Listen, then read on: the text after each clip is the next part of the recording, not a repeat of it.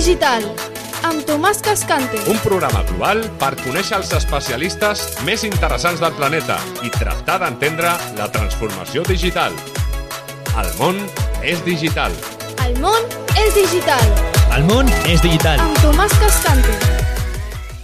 Hola, benvingudes, benvinguts un cop més a El món és digital, un programa que fem amb la col·laboració de PIMEC, la patronal de la petita i mitjana empresa i dels autònoms de Catalunya.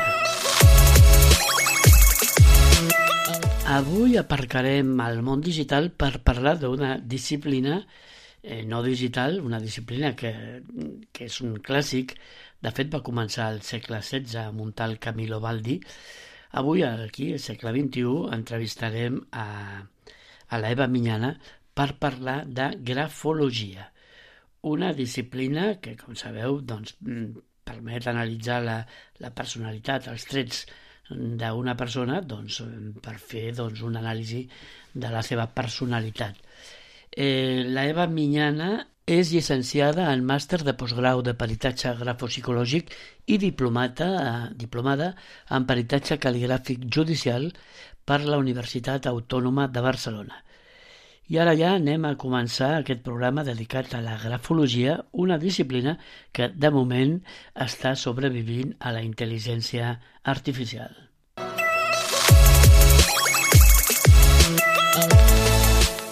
Eva, doncs abans, que, abans de res, donar-te la benvinguda al programa. Moltes gràcies, Tomàs. Gràcies per l'oportunitat.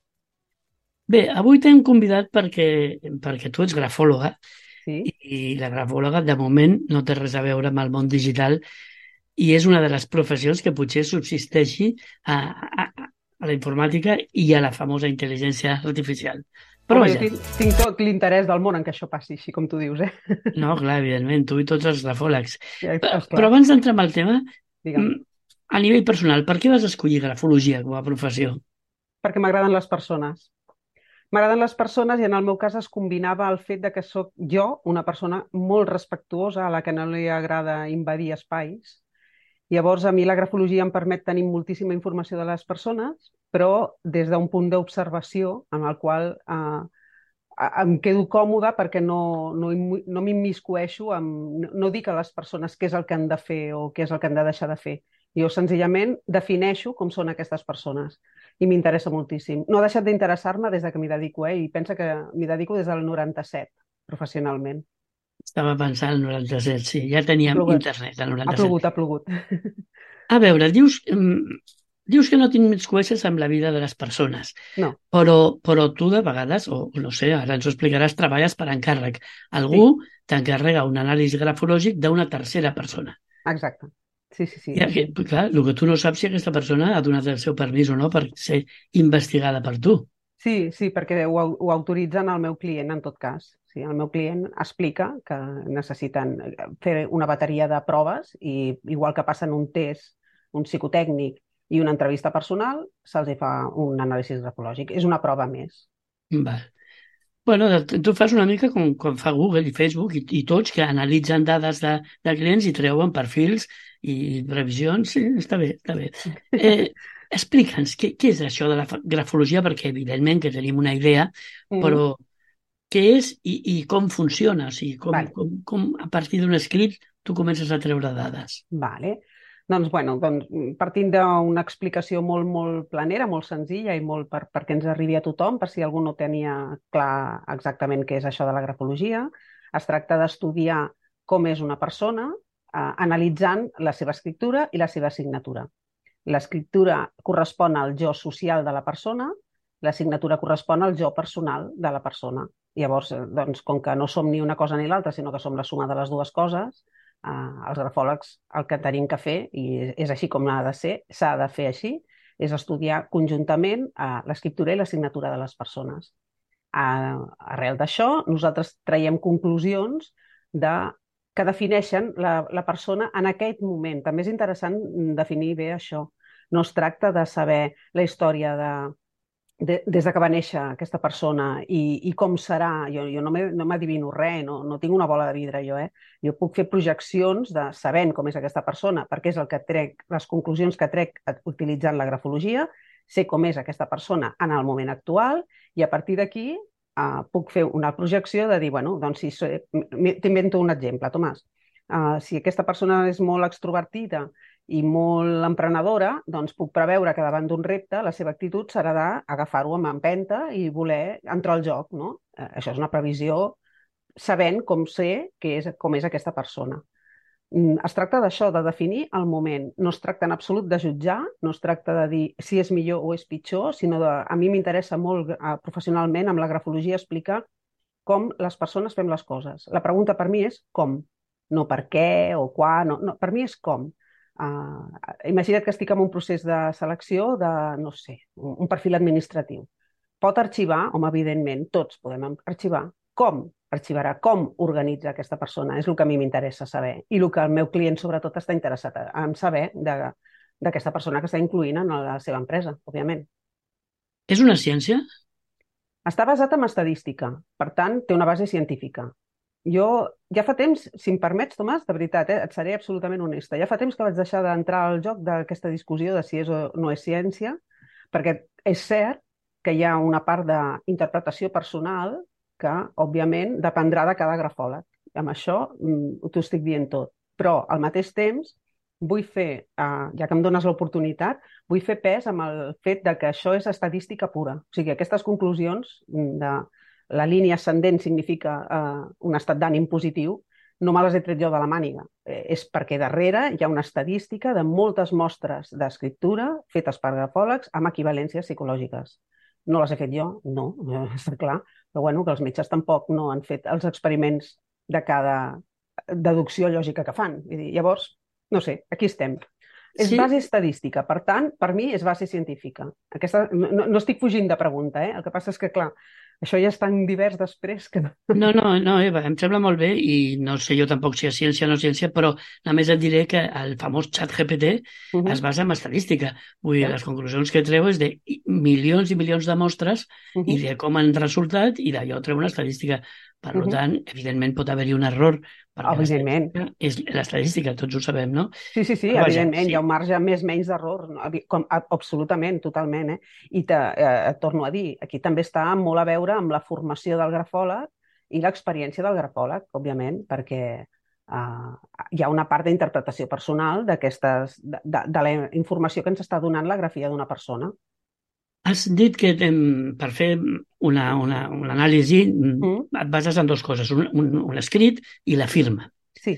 Però l'escrit, potser, jo parlo des de que no, sé, no ho sé, eh? Uh -huh. A l'escrit més o menys pot ser natural, però la firma. La firma és una cosa que la gent se l'estudia molt. Exemple, sí. els notaris, no?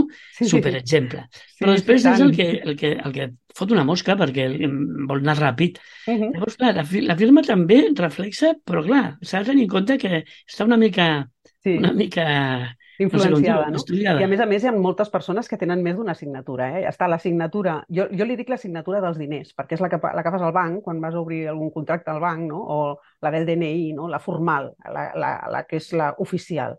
I després està la, la signatura que fem pels amics, no? que, que és més cordial, no? Deixes una nota amb algú i no, o envies una nota amb algú, una felicitació de Nadal, no sé, i, i no és no és tan formal, no està tan dibuixada, no està tan arreglada. I fins i tot hi ha persones que arriben a tenir una tercera firma, que és com una mena de mosca, si has de visar molts, molts documents, per exemple, no? un visat, no? Molt, un, un senyal gràfic.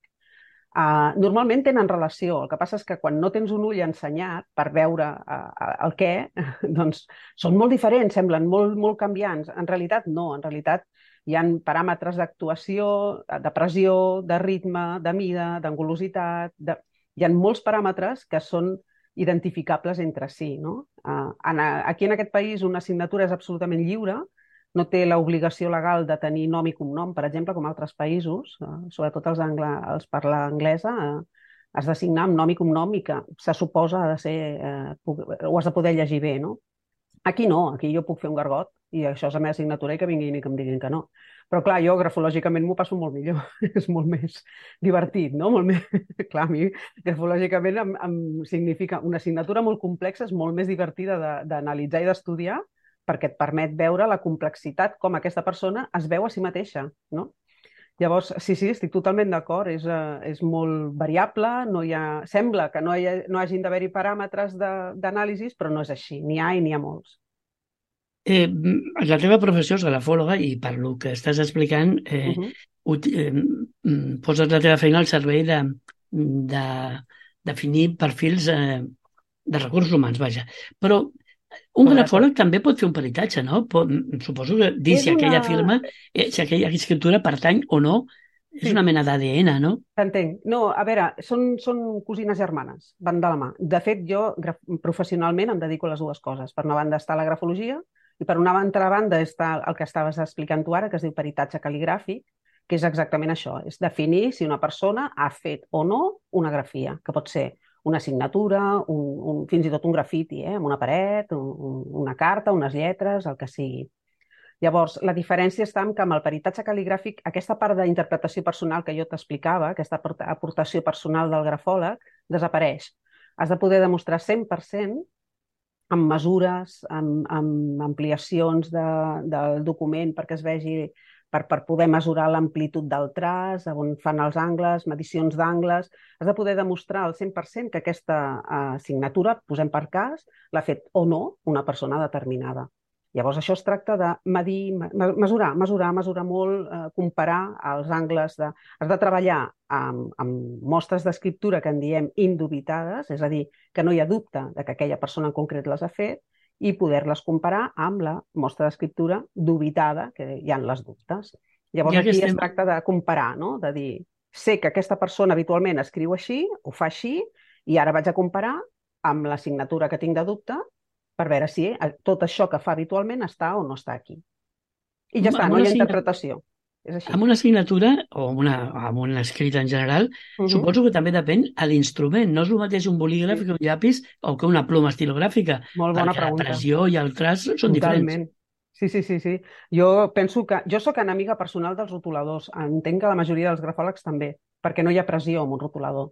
Deixes anar la mateixa quantitat de tinta sense tu implicar-t'hi no? amb el procés de l'escriptura i és, és terrible, perquè a més a més si això ho combines amb un paper que tingui un gramatge dolent, no? que, que, que de seguida la tinta fa com un efecte així com de dispersió, llavors tu estàs intentant analitzar si allà hi ha un, un òval emplastat, que imagina't una E que ha quedat l'òval ple de tinta per dintre, per, per explicar-me, o si és perquè el paper i el, el rotulador han fet això, o és perquè la persona que escriu directament ho hagués fet així, no? Uh, per mi l'ideal és la ploma de tota la vida, no? La, la, ploma, bueno, la ploma aquesta de, de, dels ocells, no, eh?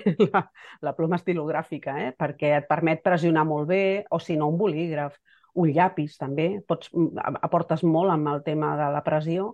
La pressió és molt important, Tomàs, perquè l'aspecte la, de la pressió en concret ens parla de la força de voluntat de les persones. Clar, si tu ja estàs triant un, un utensili d'escriptura en el qual elimines la pressió, ja m'estàs dient molt de tu. Això per començar però és que, a més a més, m'impedeixes a mi avaluar, o bueno, jo ho veuré perquè ho veuré per altres coses, però em fas treballar el triple, no? Elimines l'aspecte de la pressió, amb la qual elimines l'aspecte de la força de voluntat, per exemple, entre altres coses. Eh, eh, en una entrevista de, de, de, de personal, quan mm. tu ets el, el que t'estan entrevistant, evidentment, sí. aquell dia et poses guapo, procures anar de bon humor, però, però mm. evidentment, l'estat d'ànim d'aquell dia, si per lo que per lo que sigui, que dia estàs de mal humor o estàs deprimit, evidentment sí. influeix amb la percepció de l'altra persona. Amb l'escriptura passa el mateix? Sí, clar. Si per tu estàs, però, si tu estàs però, nerviós... Però tu no ho notes. Teva... Digues? Però Perdó. tu notes que aquell dia eh, diu, aquesta, aquesta escriptura està afectada per... Sí, jo noto que aquesta escriptura hi han tensions nervioses que surten puntualment i que no tindrien que ser eh, habituals. És a dir, hi han pautes d'actuació que en parlen d'una sensació d'organització, de calma, d'un bon control de, de, de l'impuls gràfic i de cop i volta apareix, pam, un, angle fora de lloc, una tensió nerviosa aquí, un, un angle, un moviment estrany. Això ens parla d'una tensió nerviosa puntual, no és una manera de ser, és que algun motiu hi ha que aquesta persona li està d'alguna manera li està fent sentir més tensió de lo habitual i això es reflecteix en la seva escriptura. Com sé jo que és només un tema puntual o una situació puntual per davant d'una manera de ser per la quantitat de vegades, els percentatges de vegades que apareixen aquests signes gràfics dels que estàvem parlant ara. Clar, has de mirar molt, has de mirar molt, molt i molt i molta estona i mirar molt bé per poder saber clarament si això és el que et deia, eh, un tema puntual o una manera de ser.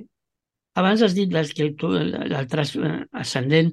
Digue'ns quatre normes bàsiques de, en general, eh? ja sé que és, és una feinada, i és un, però, però bueno, quatre pinzellades de, vale. de, de coses. Vale.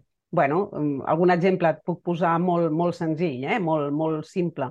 El primer que et diré, per això, si em permets, Tomàs, és que amb grafologia tots els signes gràfics són polivalents. És a dir, que en un entorn gràfic que tu tinguis un punt de la I que sigui una rodoneta en lloc d'un punt, amb, una, amb un entorn gràfic amb una lletra molt rodona, molt gran, implica pues, una confirmació d'una persona que necessita uh, que el seu ritme particular per fer les coses, necessita mm, que li prestin atenció, necessita invertir un temps d'estudi i d'anàlisi abans de decidir qualsevol cosa, però si aquest punt en forma de rodoneta i no en forma de punt apareix amb una escriptura molt ràpida, eh, amb molts angles, el que està fent és equilibrar la tendència d'aquest escriptor a córrer, a precipitar-se i a ser molt executiu i li està donant un punt de, bueno, de tant en quant pararé, observaré i dedicaré, invertiré més temps del que faria normalment perquè no vull que se m'escapi res. Llavors, això és el primer que et volia explicar en quant a, a temes interessants de la grafologia, no? que tots els símbols gràfics s'han d'estudiar de manera conjunta. Uh, alguna, mira, seguint el mateix exemple que et parlava, una escriptura que tingui molta angulositat, a tot arreu, eh, parlem així en general, és que a mi em costa eh, parlar així en general perquè, clar, cada lletra és de, és interpretable de manera individual, però bueno, així en general, quan veus una escriptura on hi ha molts, molts angles, els moviments, els girs, en lloc de fer-se de manera suau, es fan amb un canvi de direcció brusca, doncs això ens parla d'una persona que és molt ferma, molt contundent, que pot arribar a ser, si és molt exagerat, pot arribar a ser fins i tot intransigent. I això eh, doncs marca la manera que té tant d'actuar com de comunicar-se amb els altres. Uh, també seguint el mateix exemple que t'he posat, doncs si una escriptura, per exemple, és molt gran i molt arrodonida, ens parla d'això, d'una persona que necessita mm, molta atenció, necessita uh, que la seva presència tingui un reconeixement per part dels altres, per exemple. Mm, no sé. A mi també m'encuriosés molt, no sé si et semblarà interessant, el fet de poder avaluar si hi ha coherència o no entre el text escrit i la signatura. I com t'he comentat abans, el text escrit és el jo social, la signatura és el meu jo íntim, no? com jo em veig a mi mateixa. Llavors, a vegades, les dues coses tenen coherència. El mateix tipus de moviment, el mateix tipus d'angulositat, si és que n'hi ha, la mateixa mida, la mateixa pressió, però a vegades, sorprenentment, són cada un de, ma de sa mare i de son pare. Vull dir, no tenen res a veure. A lo millor el text és un text molt arrodonit, molt suau, de, amb corbes, que ens parla d'una persona sociable, amistosa, eh, predisposada a, al benestar, a l'organització correcta de les coses, i després et trobes amb una signatura molt ascendent, molt ràpida, eh, amb molts angles. Llavors això t'està parlant de que, malgrat aquesta actitud social eh, suau i amable de la persona, en el seu interior es sent una persona molt potent, amb molta energia, amb molta ambició i amb moltes ganes de fer. Clar, que jo em senti així no sempre necessàriament es tradueix en una actitud social acord amb això, sinó que decideixo, pels motius que siguin, que la meva manera d'actuar en societat serà com més controlada, més, més suau. Mm, més ràpid perquè estem, ens queden 5 minuts de programa, però Digue'm. preguntes, a l'interlineat, la distància entre, entre línies o el fet de que l'escriptura vagi o sigui, on comences cada línia vagi tendent a moure's cap a la dreta o cap a l'esquerra, o sigui que sí. no està vertical. Totes sí. aquestes coses que, que, que jo he vist 10.000 escriptures sí. signifiquen alguna cosa, suposo. I tant. En grafologia tot significa alguna cosa. Fins i tot això del que m'estàs parlant tu, que globalment ho podríem mm, traduir amb els espais en blanc.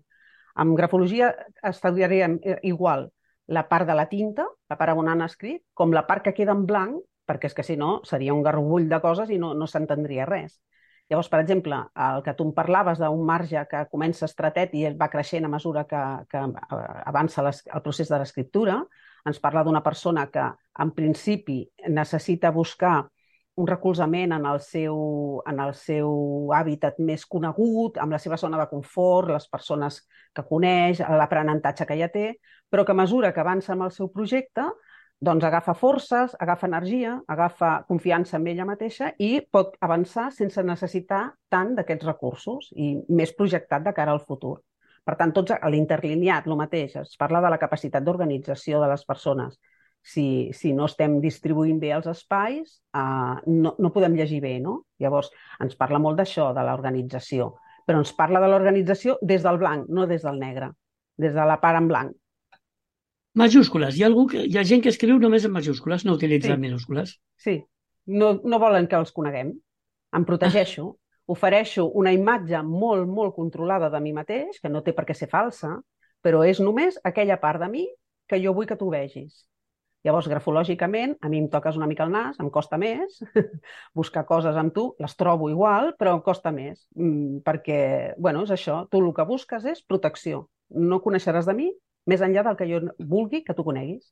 I abundant amb el tema de protecció, algú que agafa un manual de grafologia, perquè bo, és igual buscar a internet aquestes quatre pinzellades, Sí. pot fer trampa.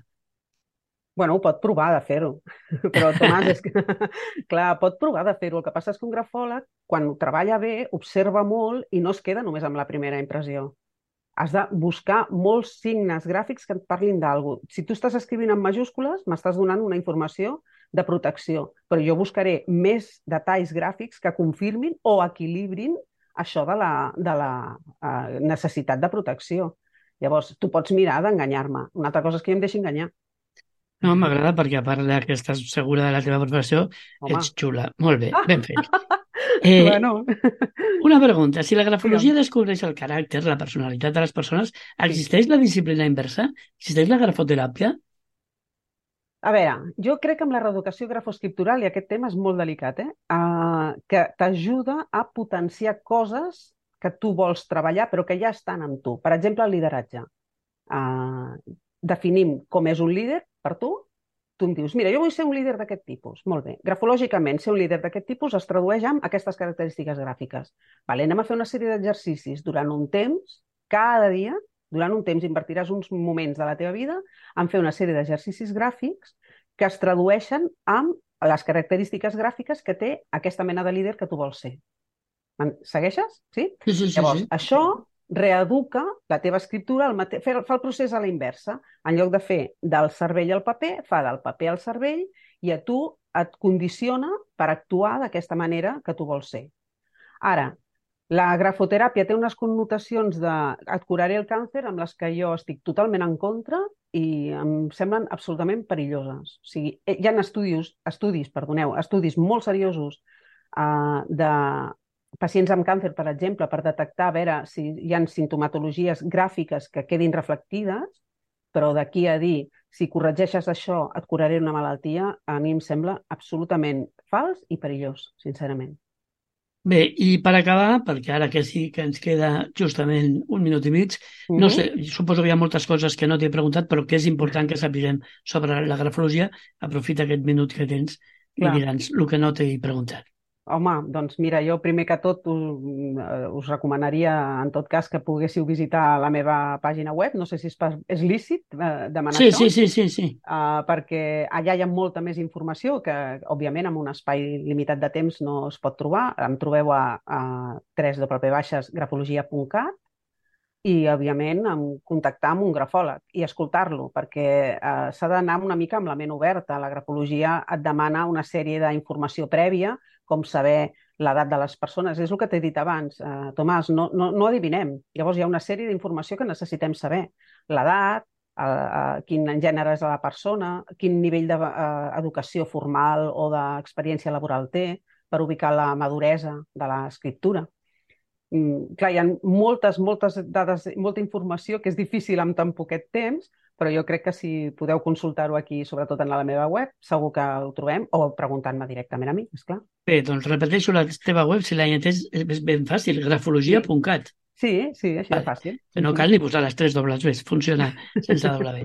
Exacte. Doncs, Eva, ha estat molt, molt interessant. Eh, ens has explicat una cosa que semblava que era de l'època de les cadernes, però que veig que és absolutament actual. I tant. I, en fi, molt bé, doncs, eh, gràcies per haver estat aquí amb nosaltres. Al contrari, moltíssimes gràcies a tu, Tomàs, per l'oportunitat. M'ho he passat molt bé. El món és digital. amb Tomàs Cascante.